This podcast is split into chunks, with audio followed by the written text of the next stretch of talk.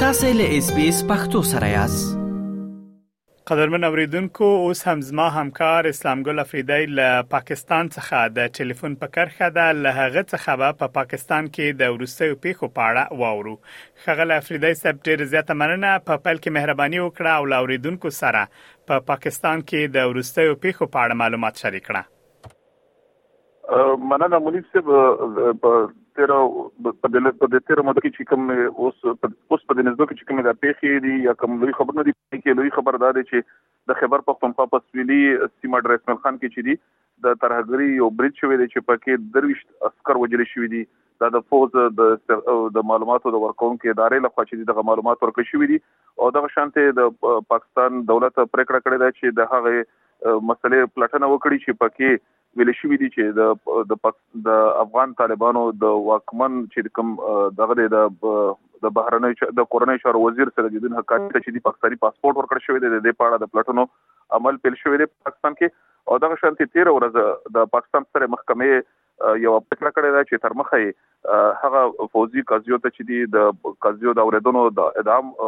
د دوام ورکولو امر کړی دی چې پکې عادي وګړي چې دی هغه په 13 9 مې باندې چې دی په یو کوم پاکستان کې چې کوم جوړجاړي را مخه ته شو پای کې نیول شوې دي نو هغه ته ویل دي چې دوی د عام عادي وګړو هم چې دی په دې عدالتونو یا محکمو کې چې دی د فوزي چې په دې کې د دې اوریدنه کولی شي مننه افریدی صاحب په پایل کې کوم مهرباني وکړئ کومه ورستۍ پیښه ته چې تاسو اشاره درلوده په خیبر پښتونخوا کې چې په هغه کې یو شمېر امنیتي کسان وژل شوي دي. که په دې اړه جزئیات شریک کړئ چې دغه پېښه څه وخت رامنځته شوې ده او چېرته؟ منیر صاحب دغه په دولسم دسمبر سهار د خیبر پښتونخوا په سویلي سیمه د اسمل خان کې چې دربند سیمه د پاره کې په یو امنیتي پوسټ باندې د وسلوال لخوا د نن راتلو هڅه وکړې شوې چې هغه د دوړه طرف نه ډزې پیل شوې او دغه شانتي په د فوز د استخبارات فوز د معلوماتو د ادارې تر مخه یا د استخبار تر مخه چې کوم معلومات ورکړي شي دي په کې دوی د ویلي دي چې دوی چې کوم دی وسلوال وجل شي دي او شپږ چې دي هغه دروش دروش چې دي هغه امنیتي سکر چې دي په کې وجل شي دي شپږ چې دي وسلوال چې دي هغه په دغه پیښه کې وجل شي دي دغه شانته په دې اړه باندې ویل شي دي چې دغه پیښه چې دي په هغه محل کې لوی ځان رامخه تکړو چې کړه بچاودونکو مواد وچاودېدل او دغه شانتي هغه ودانۍ را پریوتله نو د دې لامل دغه لوی ځان چې دغه مخه ته شو د تخې پرچ دی هغه تحریک جهاد په نوم باندې یو نوې وسلواله ډله را چې هغه د دې پړه په سر باندې خسته ده او په ټولنیزو رسنیو باندې د دې ډلې چې کوم ویان دی هغه په خپل خبر کې د دې پړه منلې ده د دې وړاندې هم چې دې د ډلې چې دی په د میاوالي کې چې کوم بریټ شوی او په هوایي ډګر باندې نو پای کې درې الوتکې تباه شوې وې نو دا غي پړه هم دی اخیسته او دغه شانتي په بلوچستان کې په ولني بریټ پړه دی منلې وا چې کوم بلوچستان او مسلم باغ سیمه کې چې د فوزي یو مرکز دی په هغه باندې بریټ شو او لوی ځان په کرامخه ته شو د څېړونکو وینا ده چې دغه یو نوې ډله ده خو په بشپړه توګه باندې دوی د رسنیو سره چې کوم د دوی ویان د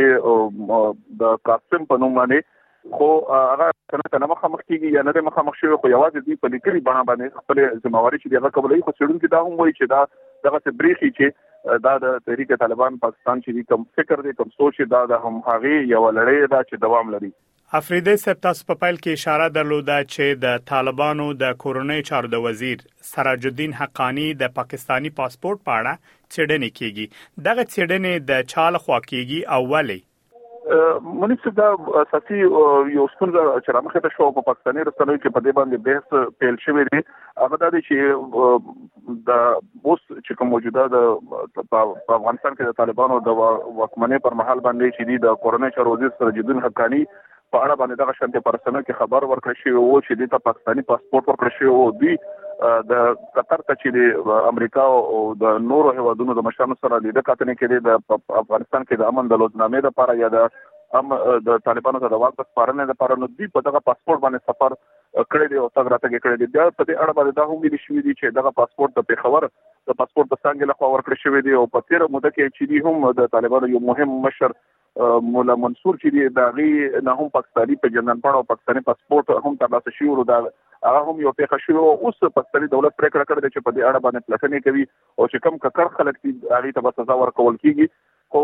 د بل لوري ته چې د طالبانو ویاند ذبی الله مجاهد دغه شنت ټول راپورونه رد کړی دي او ویل دي چې دا په دې کې هیڅ حقیقت نشته دي او دا بیا اساس دي کڅو مو دغه خبره په هغه محل کې مخه ترغلو چې یو پاکستاني خبريال چې د پیښور سره تعلق وو خو نوم یې نه دی خودري شوی چې هغه قطر ته سفر کولو په دغه سفر پر مهال باندې سراج الدین حقانی هم له سره په سفر کې ملګری وو او دوی چې کله په ایرپورټ باندې یا په هوایي ډګر باندې کوشول نو د مایګریشن چارواکو ته دی چې د خپل پاسپورت ورخودلو نو ترجمه حقانی هم پاسپورت ور څرګند کړو چې هغه پاکستاني پاسپورت او دا هم لیکي چې دا اوس نه معلومه چې د خپل نوم باندې او دا تر دې سره پورې سړنه شوې ده چې د عکس په دغه پاسپورت باندې شتون لري افریده سپ تاسو په پیل کې د ته هم اشاره درلوده کوم کسان چې د عمران خان لنیول کېدو وروسته په لارینونو کې لاس درلود او ځینې ګډوډیو کې لاس درلود هغوی به اوس په نظامی محکمو کې محکمه کیږي په دې اړه تاسو د ستر محکمې یو حکم ته اشاره درلوده مهرباني وکړئ په دې اړه هم جزئیات لاوریدونکو سره شریک کړئ منصف دا تیر تیر ورځ چې د پاکستان سره محکمې د هغه قضیه اوریدنه وکړه چې په هغه کې د بشري حقوقو او د شانتي د مدافع د ځینو وکیلانو لخوا د ستر محکمې نه غوښتنه شوې و چې په هغه کې دا ویل شي وو چې باید کوم عادي وګړي نیول شوی دي د نه هم مې په پیخه کې نو باید چې دا غي د کیسونو یا د غي د قضیو چې د اوریدنه چې دی په عامو محکمو کې وکړي شي چې نه دا چې په فوزي محکمو کې وکړي شي خو پای کې چې دوی پر لپسې اوریدنې وکړې نو پرونی پای کې پریکړه کړې ده فیصله کړې ده چې نه فوزي قضیه چې دی فوزي محکمه چې دغه کولې شي چې دغه خلکو او د د د د مسلو او دغه هم په دغه عدالتونو کې وکړي شي قسم په دغه ګام باندې چې دی هغه د بشري حقوقو لپاره چې دغه سخت دی ورته کیږي او دغه معلومات هم دي چې د سلو باندې تنان چې ادي وګړي دي د نو مې چې کله عمران خان ولي ولې شو او دا غي نو ورستو دغه خلک راوته په ګرځي دا خو د پیښه رامخې ته شوې او د د دولت له خوا دا ویل کیږي چې دوی لوی مالی زیانونه چې د غره مخې ته کړ په فوزي